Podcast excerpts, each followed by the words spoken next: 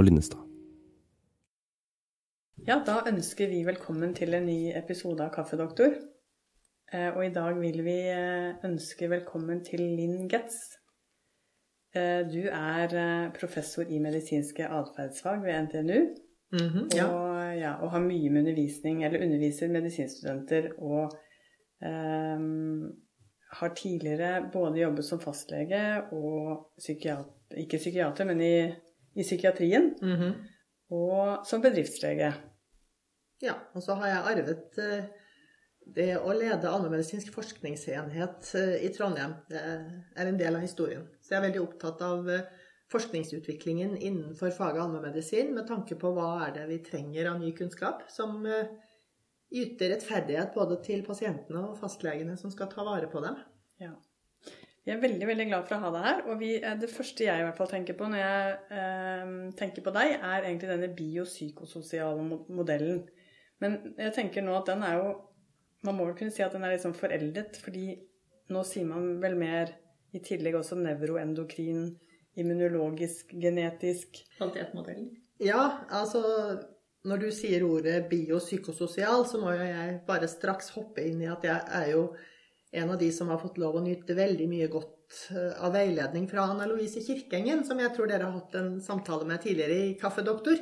Og hun påpekte jo, mens jeg ennå var for ung til å virkelig skjønne alvoret i det hun sa, tre svære fagfelt som til dels har mange motstridende diskusjoner seg imellom, og så setter du to bindestrek mellom. Biologi, bindestrek, psykologi, bindestrek, sosialvitenskaper eller det sosiale.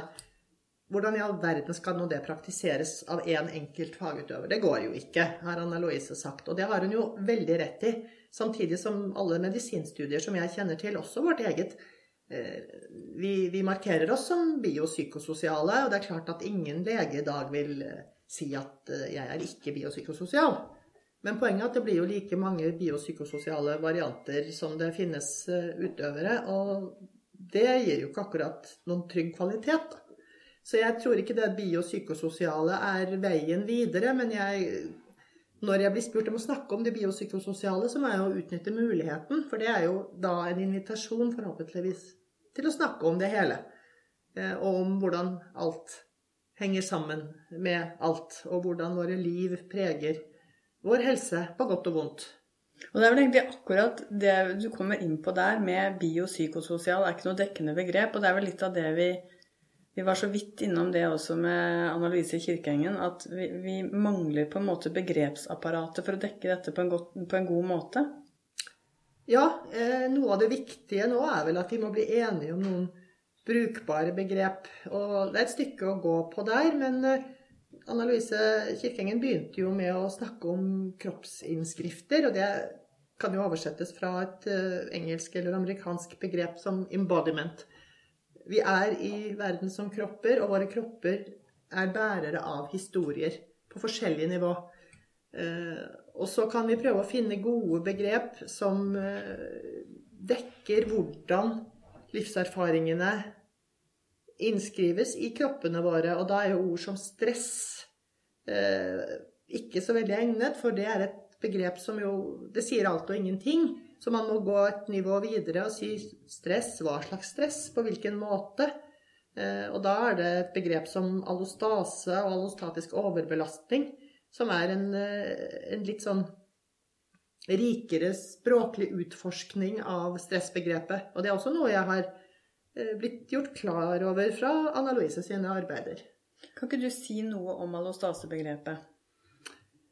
Ja, allostasebegrepet forteller om hvordan mennesker, personer, møter livets utfordring som hele mennesker med kropp og det hele, og hvordan vi tilpasser oss utfordringer. Og det kan være veldig konstruktive utfordringer som koster mye for oss. F.eks. å ta en eksamen eller et eller annet, hvor vi er ganske dønn slitne etterpå, men vi får anledning til å, til å hente oss inn. Vi får støtte underveis, folk bryr seg om oss, og da har vi egentlig bare godt av stresset når det kommer til stykket. Men hvis det er for mye, for lenge, for eh, tøft, for lite støtte, for lite bufring, så, så begynner det å bli det man kan kalle en overbeskatning av vår evne til å tilpasse oss. og man strekker hele fysiologien for langt. Og når eh, hormonsystemet, immunsystemet, alle disse systemene som henger sammen, har vært strukket for langt for lenge, så begynner rett og slett det hele å rakne. Og da kan de tilbøyelighetene vi har for å utvikle sykdom, plutselig begynne å manifestere seg. Eh, og dette er jo ikke noe alternativt paradigme til å snakke om gener. Altså, jeg tenker at når jeg blir veldig stressa, så får jeg litt arytmier. Men jeg får ikke psoriasis. Det vil jeg antagelig aldri kunne få. Det genet har jeg ikke. Tror jeg. jeg tror ikke jeg får diabetes type 1 heller, men hadde jeg hatt det, så kunne jeg fått det i ungdommen osv. Så sånn at dette er jo spørsmålet om hva som, som kan skje ut ifra at vi har en genetisk gitt disposisjon, og så opplever vi eh, ting på godt og vondt i livet. Og da er begrepet allostase og allostatisk overbelastning, ikke minst, et språk for å beskrive eh, når kroppen utsettes for påkjenninger som, som overgår evnen til tilpasning og, og, rehabilitering etter påkjenninger.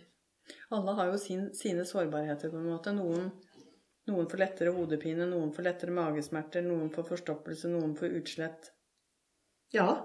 Så det, det er vel eh, Vi har alle våre vi har våre disposisjoner, og, og, så tenker jeg at det må bli en del av helt selvfølgelig medisin å tenke at eh, når noe blusser opp, når noe blir standhaftig, når noe ikke gir seg, og særlig hvis, hvis det blir veldig mange symptomer som, eh, som, henger sammen med smerte, ubehag, som man ikke får satt ordentlig ord på hva er, som ikke man finner noen objektive diagnoser på, så kan jo det veldig godt være uttrykk for en fysiologi som er helt overstrukket.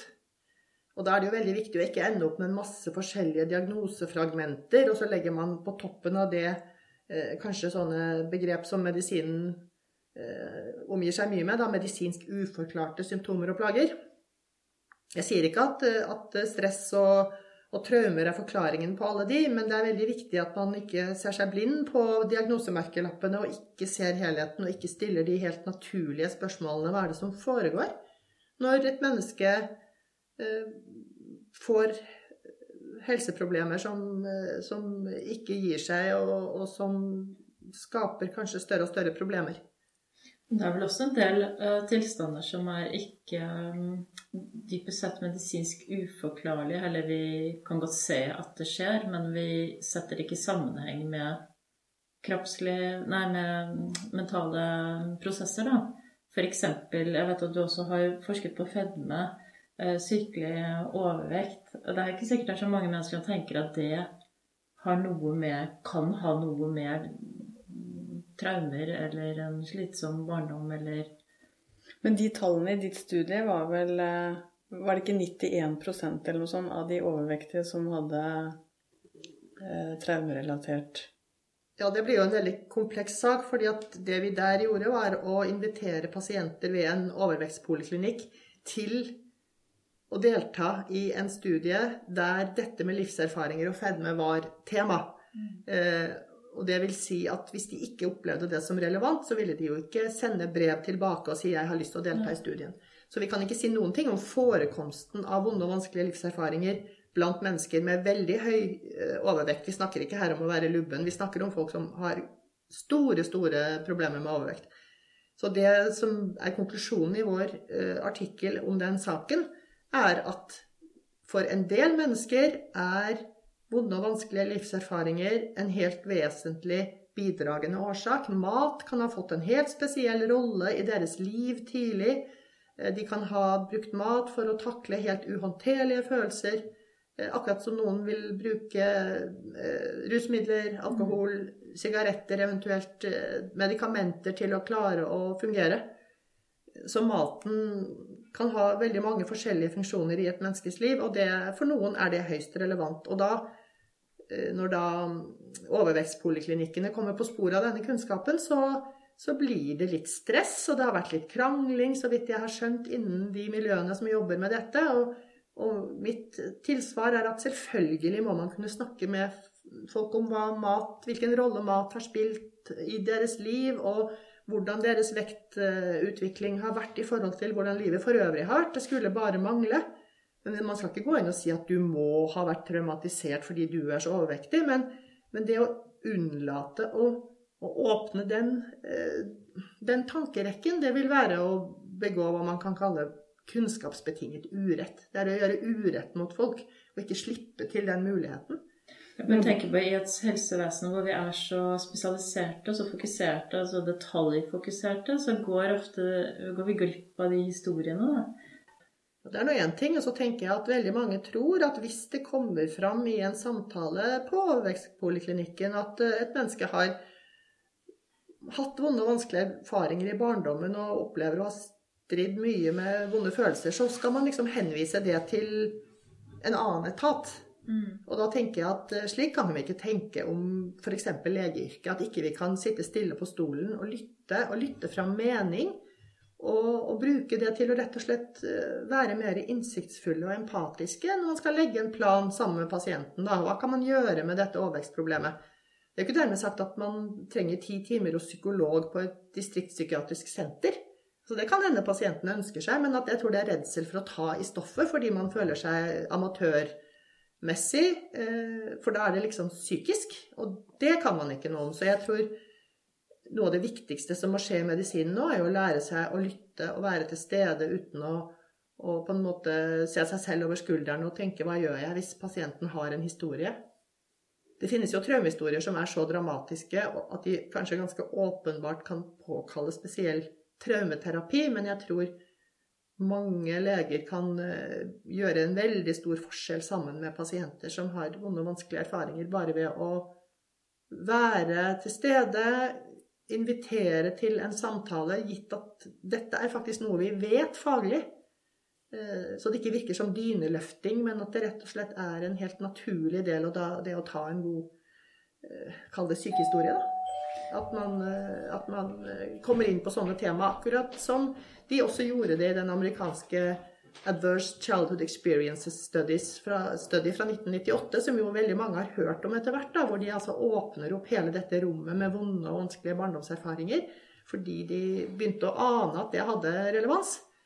Og på bakgrunn av den interessen så startet jo den store dokumentasjonen av sammenhenger mellom vonde og vanskelige livserfaringer og fedme og andre lidelser. Somatiske og psykiatriske og ulykker og Intox og det hele.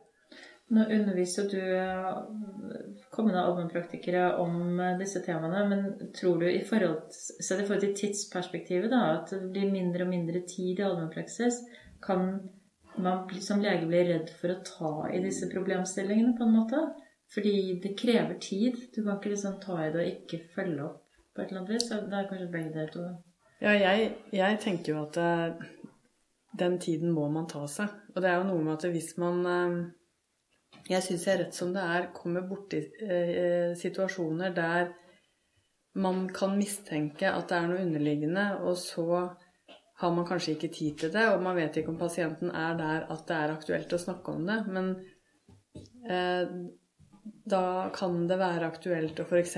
si jeg vet ikke om dette er riktig, men jeg værer at det kan være noe som kanskje vi bør snakke om. Eh, du kan tenke på om dette er noe du har lyst til å ta opp eller ikke, men i hvert fall, det er noe med å åpne opp for noe og så si nå setter vi opp en time på slutten av dagen da og da, hvor man har anledning til å sette en klokketime. Så det er noe med å planlegge praksis i hva, hva man Det er mulig å sette av den tiden, tenker jeg. Det finnes jo ikke mye forskning, men det finnes litt forskning. Og den peker jo i retning av at hvis man slipper til historien om det vonde og det vanskelige, så vil man på lengre sikt blir mer effektiv. Fordi folk eh, slutter å komme med alle mulige oppbluss av store og små ting når de har lært seg å se sammenhenger i eget liv. Eh, men, eh, men, det skjer jo ikke med en gang. sånn at det å finne tiden til den timen eller den dobbelttimen men hvis jeg skulle etablert meg som fastlege i dag, så ville jeg tenkt at jeg ville ha snakket ordentlig med alle mine nye pasienter, sånn en runde, men jeg ville ikke brukt ikke veldig mange timer på hver enkelt. Men med en gang jeg kjente, sånn som du der beskriver, Lina, at her, her er det noe uavklart, her er det som om det mangler kanskje noen brikker i spillet, så ville jeg ha kanskje lagt ut noen små følere, og også latt pasienten få et, eh, litt tid til å tenke seg om. Og da tenker jeg at den dobbelttimen er veldig vel investert tid med tanke på det som ikke skjer senere av henvendelser, utredninger og, og rare testresultater som da kan dukke opp. Hvis man først begynner å teste, så er man jo ofte i et hamsterhjul av oppgaver og tilfeldige funn og blodprøver som skal følges opp. Og, sånn at det å kunne ta den trinnvise prosessen og, og la det gå litt tid, tror jeg ofte kan være en stor fordel. For Du har jo også vært opptatt av sånn overdiagnostisering, overmedikalisering. Det er jo kanskje kunne vært en konsekvens da, at vi ikke tar oss den tiden? Ja, jeg tenker hvis, vi, hvis enhver svimmelhet og enhver hjertebank, eh, også der det egentlig ikke er det man kan kalle røde flagg, skal liksom utredes helt eh, holdt på å si, hodeløst, eh, uten at man hører på hva foregår for tiden, hva, så, så, er jo det en stor risiko for at man ender opp med MR-bilder med tilfeldige funn på som skal uroe både lege og pasient. Og man jo ikke, kan ikke ta mange blodprøver før du har noen med stjerne på. Men jeg tror jo egentlig at veldig mange fastleger er ganske flinke til å sitte stille på stolen sånn i, i utgangspunktet. Men den krigen mellom 'det må da være noe som feiler meg', og 'det feiler deg ingenting' Vi er jo ikke ute av de hjulsporene der med kropp og sjel.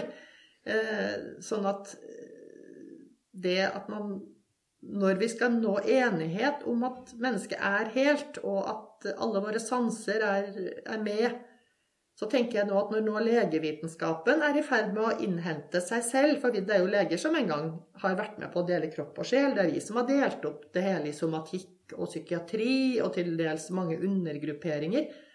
Nå har vi jo fått de pasientene vi fortjener, da. Pasientene har ikke lyst til å være psykiatriske, altså vil de være somatiske.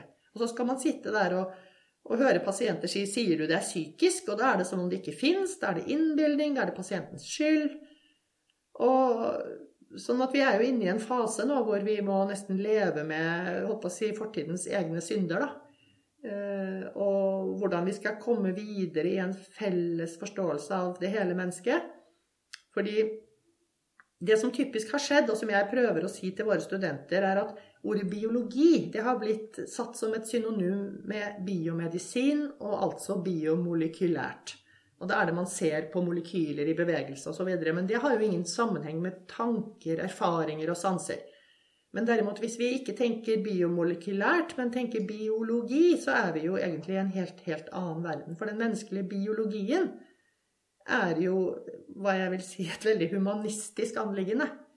Eh, og der tilbake til det slik jeg har blitt kjent med Anna Louise sin forskning, da, så, så det er jo en hjerne involvert. Når vonde og vanskelige livserfaringer innskrives i min kropp, så er jo ikke det psykisk.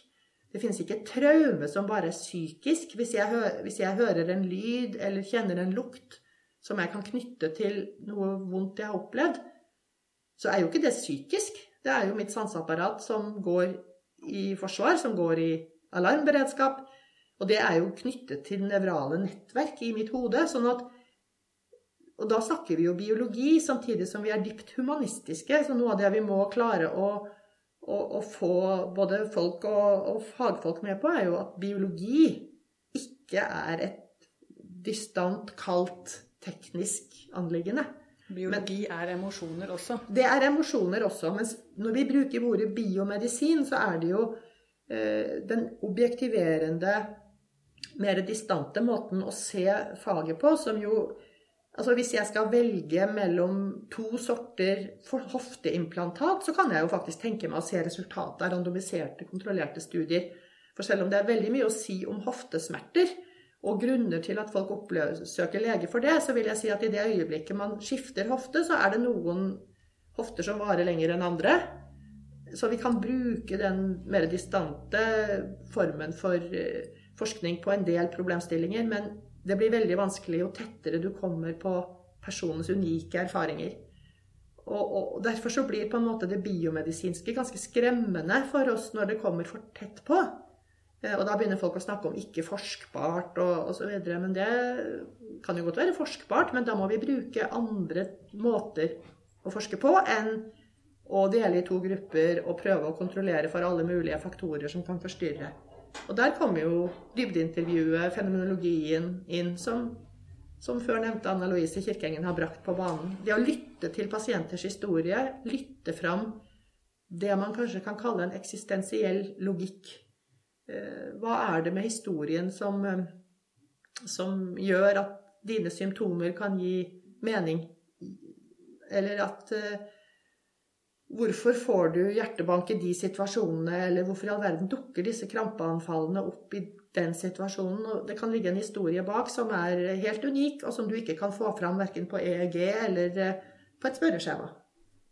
Tror du ikke mye av dette her handler om eh, opplevelse av skyld? At det er noen som tror at i det man sier det skyldes eh, med sammensatte, sammensatte Man må se det i sammenheng. At de da eh, tror at det er noe så enkelt som å tenke seg frisk, og at når jeg er syk fortsatt, så er det fordi jeg ikke klarer det som jeg skulle ha klart. At, at det blir et slags sånn skyldspørsmål i det. Det er sånn jeg kan oppleve noen ganger. At, og da føler jeg at da har vi jo ikke nådd frem med budskapet. Nei, vi har ikke nådd frem med budskapet, det er helt åpenbart. Men eh, jeg holdt på å si, hvem har skyld i det, da? Altså Hvis man ikke når fram med budskapet, så er det jo noe med, med hva skal vi si da, den grunnen vi har beredt under det. Eh, fordi vi har vel ved det å distansere oss fra pasientene og beskrive pasientene med et litt sånn kjølig blikk, så har jo Vi har jo snakket veldig mye om atferd, da. Og bare det å være professor i medisinske atferdsfag har jo jeg Eh, holdt på å si, Det er et dilemma i seg selv. Det gode med den eh, tittelen er at jeg opplever at den gir veldig stor frihet til å tenke såkalt biopsykososialt og se hvor står vi. Derfor så trives jeg jo godt i rollen jeg har. Men dette med å snakke om folks atferd Da blir man jo veldig ynkelig veldig fort, da, fordi at noen betrakter en utenfra. Eh, og det utenfra-blikket ligger i den, i den tilnærmingsmåten. Og så viser det seg at atferdsfag handler om, eh, om kommunikasjon og sammenheng mellom eh, emosjoner og kropp osv. Men, men eh, jeg tror det folk misliker sterkt, er det objektiverende blikket på, på hvem er du, og hva er dine intensjoner? Vi tåler et objektiverende blikk på føflekken vår, eller hofta vår, eller til og med hjerterytmen.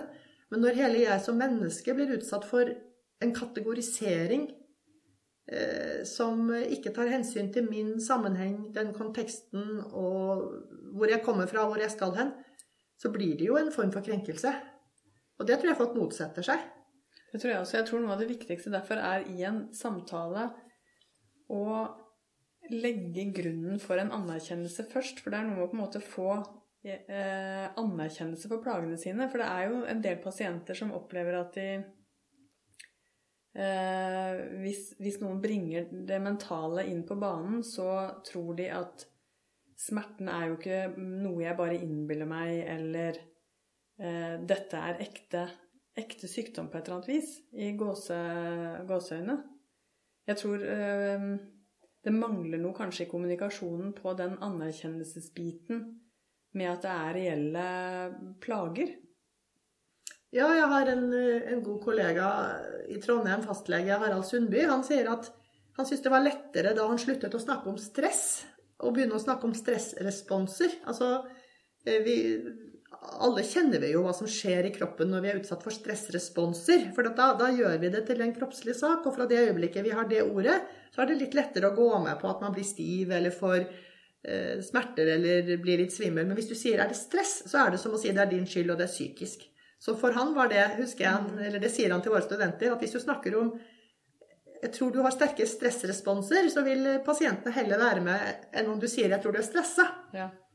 Da er det din skyld plutselig. Da er det plutselig din skyld. Men stressresponsene er mer mm. deskriptive. Og det er jo selvfølgelig bare et retorisk sånn spinn, da, men allikevel eh, Ja, men retoriske spinn tror jeg trengs. Ja, det er mulig at det er akkurat det vi trenger nå. Og ikke manipulerende, men det er noe med å å prøve å finne måter å snakke sammen på som gjør oss til likeverdige eh, aktører her. For jeg tror de fleste leger er med på at man kan ha stressresponser. Altså de som påstår at de aldri har det, de eh, holdt på å si ja, Det ville virke veldig selv, eh, selvbenektende, da. Sånn at vi må ha et språk som, som knytter oss sammen, og som ikke skaper mindreverdighets... og merverdighetsbalanse. Og der er det å tenke igjen at dette allostasebegrepet at eh, Jeg har jo opplevd at flere av våre stipendiater har blitt veldig fascinert av allostasebegrepet fordi det tilfører noe nytt med, med at det er greit å være stressa, det er greit å pushe seg, og, og det hele spørsmålet er ikke det, men, men, hvordan ser helheten ut? Og hvem tar vare på deg når du trenger støtte?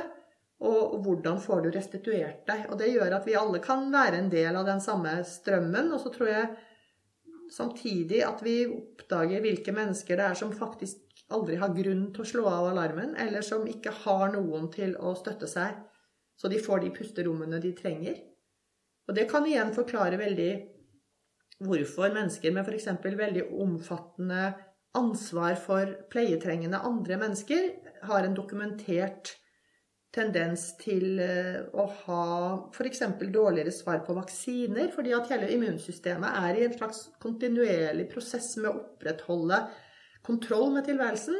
Hvis du har, Si at du har en ektefelle som glir inn i demens over flere år. Kan hver eneste lille lyd dag og natt kan være uttrykk for at det er noe som skjer, som du bør være oppmerksom på. Eller du har et multihandikappet barn som du stadig må kjempe mot eh, eller for eh, systemet. Og du kan nesten aldri skru av den modusen det er å, å skulle skape et verdig liv for et annet menneske. Og det vet vi nå fra flere studier at det koster sitt på immunologisk nivå, f.eks. Og, og som allmennlege, hvis man da har et språk for det, at det der er en allostatisk overbelastning Det handler ikke om at ikke du elsker eller anerkjenner den andre. Det handler bare om at alle mennesker har behov for pauser, pusterom. Eh, og da kan man begynne å stille gode spørsmål. Og da kan man også i hvert fall være den som anerkjenner.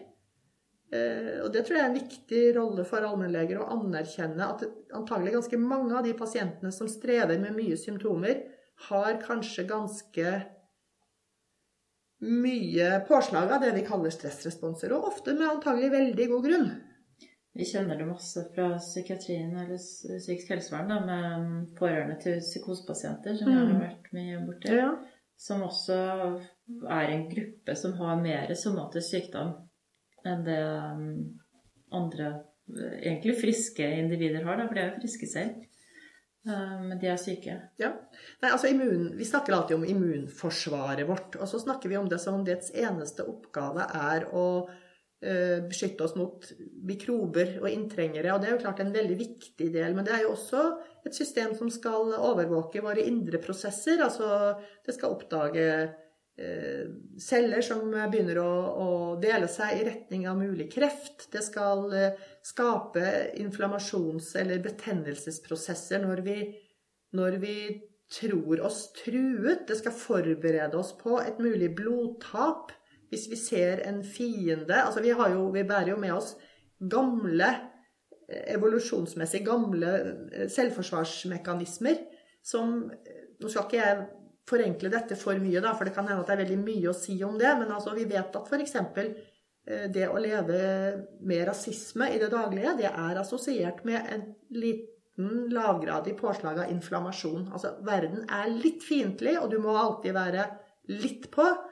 Og det gir seg i menneskekroppen uttrykk i en form for selvforsvar som er mobilisert. Og det samme tror jeg med mennesker som hele tiden må lytte, som må være der, som må følge opp, håper å si, ha øynene i nakken. Eh, og det er klart at hvis immunsystemet, heller enn Forsvaret da, er opptatt med slike ting, så kan det være vanskeligere å svare på en vaksine. Det kan også hende at en covid-infeksjon, hvis du først uh, blir smittet, blir statistisk sett tyngre hos mennesker med den typen livsbelastninger. Jeg sier ikke at det gjelder én til én på individnivå, men vi har jo sett en sosial gradient i f.eks.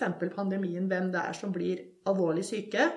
Og det er jo ikke tilfeldig fordelt hvis man ser det på gruppenivå, selv om man kjenner mange i øverste sosiale lag som har baksa med skikkelig covid-infeksjon, så vet vi allikevel at det er en sosial gradient i den, i den uh, sykdommen. Og den gjenfinnes ikke på covid-vaksinestudier, for det tror jeg ikke har vært gjort foreløpig, men vi vet det på andre vaksiner som har vært rutinemessig brukt, at mennesker som lever under veldig tunge omsorgsbelastninger, hvis man skal bruke det ordet, de svarer som gruppe dårligere. Og det er starten. Det er et slags underlag på tror jeg, at veldig mye sykdom som ellers kunne vært regulert av vår indre flytende hjerne, som jo immunsystemet er en del av, eh, mister litt grepet.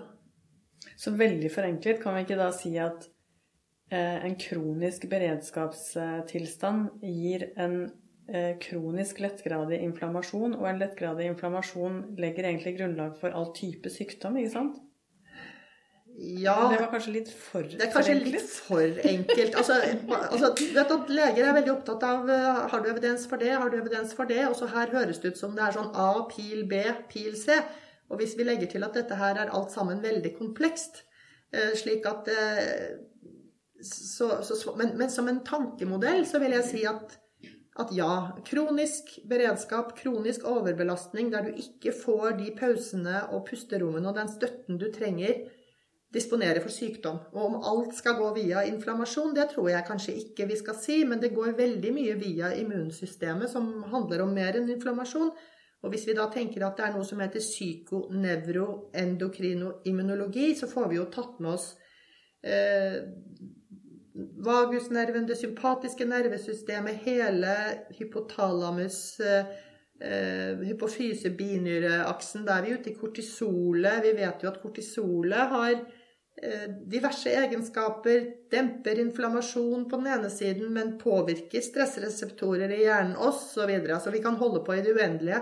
Så jeg tenker at vi må ikke forenkle, men jeg tror modellen at kronisk overbelastning og, og alarmberedskap eh, gir grobunn for sykdom, den holder. Den holder. Og så tenker jeg hvilken sykdom. Det vil delvis avhenge av hvilke gener man har, og hva som kan ha skjedd også tilfeldig gjennom oppvekst, og hvilke infeksjoner man har hatt og ikke hatt, og osv. Og, og altså, om man har uh, røkt masse, eller man har Det, det blir jo mange eksterne faktorer. Ja. ja, da, og i, i, fattige land så kan du spørre var det mye bly i, i vegg, malingen i veggene der du bodde? Hva var i drikkevannet? Hvor mye støy eh, har du i dine omgivelser? Altså noe så for oss kanskje ofte fremmed som støyforurensning kan påvirke stressresponser. Altså det er så mange faktorer. Og der tenker jeg at, at den sosiale gradienten i helse den består jo av veldig, veldig mange forskjellige faktorer, da.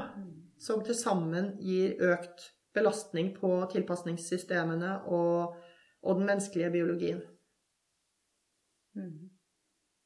Vi kan være enige om at det er komplekst? Ja, eh, vi må være enige om at det er komplekst. Og, og på den ene siden så skal man jo ikke gjøre det for vanskelig, men jeg tenker at særlig hvis man ser for seg medisinske basalforskere og osv., så, videre, så så er det viktig å ikke bli på en måte eh, arrestert på at man overforenkler noe som fordi at de har jo en verden full av subspesialister, og de, hvis de ser noe som ikke stemmer helt med deres verdenskart, da, så, så kan det jo bli sånn bråk i andedammen. Og jeg tenker vi har ikke råd til det som fagfelt å begynne å krangle om det skal stå inflammasjon mellom de to pilene, eller om det skal stå noe annet der. Eh, så vi må jo Det viktige nå er å løfte blikket til de store sammenhengene, tenker jeg. Og det, de er ganske ubestridelige. Det er vanskelig som allmennlege å ikke ha dette bakteppet hele tiden, tenker jeg. Men samtidig så må man jo også se at innimellom så er det folk som eh, har kronisk sykdom uten at man finner noe sånn helt spesielt eh, eh, psykisk overbelastning i, i bakgrunnen. Så man må måtte ikke miste sine Absolutt. Vi gjorde en veldig artig studie for noen år siden i, hjemme, hjemme, i Trondheim, basert på HUNT-studien, der vi innførte et spørsmål som aldri hadde vært brukt i verdenslitteraturen før, nemlig hvis du tenker tilbake på din egen barndom, vil du da karakterisere den som svært god, god, middels, vanskelig, svært vanskelig? Selvevaluert barndom. Og folk krysset i vei. Eh, og så så vi på hvilke lidelser de hadde utviklet, som de også krysset på. Og nå er det jo ikke sikkert at folk snakker sant, men det vi, det vi stort sett vet fra internasjonal forskning, er at folk har ikke noe tendens til å uh, skryte på seg en dårlig barndom. Uh, sånn at det er antagelig ikke en overdreven svar der. Men det vi så på alt fra ryggsmerter til, til tyroidiasykdommer eller epilepsi hele veien, at det var en dose-respons-sammenheng. Eh, de som hadde det vanskeligst etter selvrapportert, og det var en gruppe på ca. 4% av befolkningen som, som, var i den vanskeligste kategorien. Så det var ikke mange. Men det var en dose-respons-sammenheng på nesten alle lidelsene som var slik at jo verre eh, og vanskeligere barndom, jo mer sykdom. Men, og nå kommer jeg til poenget ditt, Lina, det var jo mange som opplevde eller rapporterte å ha hatt en veldig god barndom. Og jeg skal ikke heller påstå at de sikkert løy. Så jeg tenker at av folk med kroniske ryggsmerter eller, eller eh, hvilken som helst lidelse, så må du regne med at i hvert fall tredjedelen eller noe sånt eh, ikke gir napp på den typen tenkning. Så det må være fullt lov å ha både én og mange kroniske lidelser og fortsatt tenke at jeg tror faktisk at jeg har hatt det bra. Og jeg insisterer på det. Samme gjelder jo psykiatri. Man har en tendens til å kanskje særlig patologisere familien da, rundt. Men det er jo faktisk mange mennesker med psykiske lidelser som heller ikke kan rapportere forferdelige barndomstraumer. Det finnes en strålende studie fra Lancet året 2012 som har sett på sammenheng mellom, eh, mellom sosial gradient og helse. Og for å gjøre en lang historie veldig kort Hvis du ser på tidlig forekomst av det vi kaller multimorbiditet, nemlig å ha pådratt seg to eller flere vesentlige diagnoser, så er det en fordobling av forekomsten av multimorbiditet, la oss si 40-årene, som er ganske tidlig å, å, få mange diagnoser, blant de som har den laveste sosiale statusen, altså de fattigste, sammenlignet med de rike. Men da kan du si at 10% av de rike har pådratt seg eh, to eller flere lidelser, mens det er 20% av de fattige. Ja. Så du kan altså fint være rik og multimorbid, men det er dobbelt så sannsynlig at du er multimorbid hvis du er fattig. Og da skal både den rike og den fattige finne sin plass hos fastlegen. Og det er ikke fastlegens oppgave å, å trekke slutninger som det ikke er grunnlag for, men det er fastlegens oppgave å åpne samtalerommet der det er grunn for det. Eh, og så kan du spørre blir man mindre multimorbid av, eh, av den gode samtalen. Eh, den korte varianten av et svar på det er vel ja, i den forstand at hvis man møter empati, forståelse og kanskje også litt hjelp til å finne seg de pusterommene i tilværelsen som, som kroppen faktisk behøver. Eh, men ikke minst den forståelsen av at jeg har gjort mitt beste, og det står det all respekt av, og det har kosta sitt. Og her sitter jeg med et immunsystem som strever, eller gikt, eller hva det nå er. Jeg tror den grunnleggende respekten å møte et menneske som ser at her er en, en verdig person som gjør så godt som mulig, jeg tror det er veldig veldig mye god medisin i det. For jeg tror veldig mange av de som strever her i verden, de, det er veldig få som ser dem og gir dem den respektfulle anerkjennelsen som jeg tror de aller, aller fleste mennesker i vårt samfunn eh, De behøver det, og de fortjener det faktisk. Jeg er helt enig med deg i. Det syns jeg var egentlig veldig fine avsluttende ord. Veldig flott avslutning, ja. Ja, men Da er vi enige om det, da. Det er vi enige om det. Det skal vi ikke bestride. Nei. Men tusen, tusen takk for at du ville være med, Linn Getz. Ja, det var bare hyggelig å få bidra til Kaffedoktor. Det var veldig morsomt. Så bra. Da sier vi takk for nå. Ja. Takk for meg.